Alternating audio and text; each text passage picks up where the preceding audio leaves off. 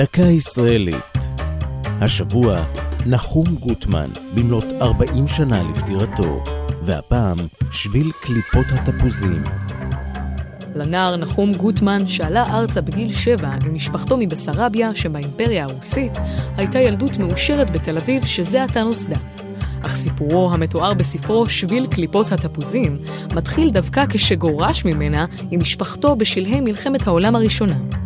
ב-1917 זעם השלטון העות'מאני על יהודי הארץ שסרבו להתגייס לצבאו וחשש שיסייעו לחדירת האויב הבריטי דרך הים. העות'מאנים הורו לגרש מביתם את תשעת אלפי תושבי תל אביב, וכן את ערביי יפו.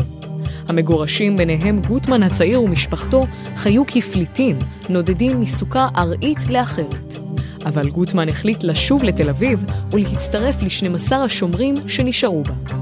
בדרכו בין הפרדסים עקב עם עוד נער אחר שביל קליפות תפוזים שהותירו חבריו.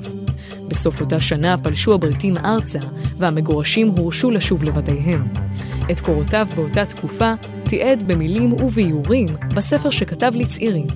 בספרו מביע נחום גוטמן געגועים רבים לימיה הראשונים של העיר העברית הראשונה, עיר שאליה שב וחזר במגוון יצירותיו הכתובות והמצוירות, ובה גם נפטר בחודש נובמבר 1980.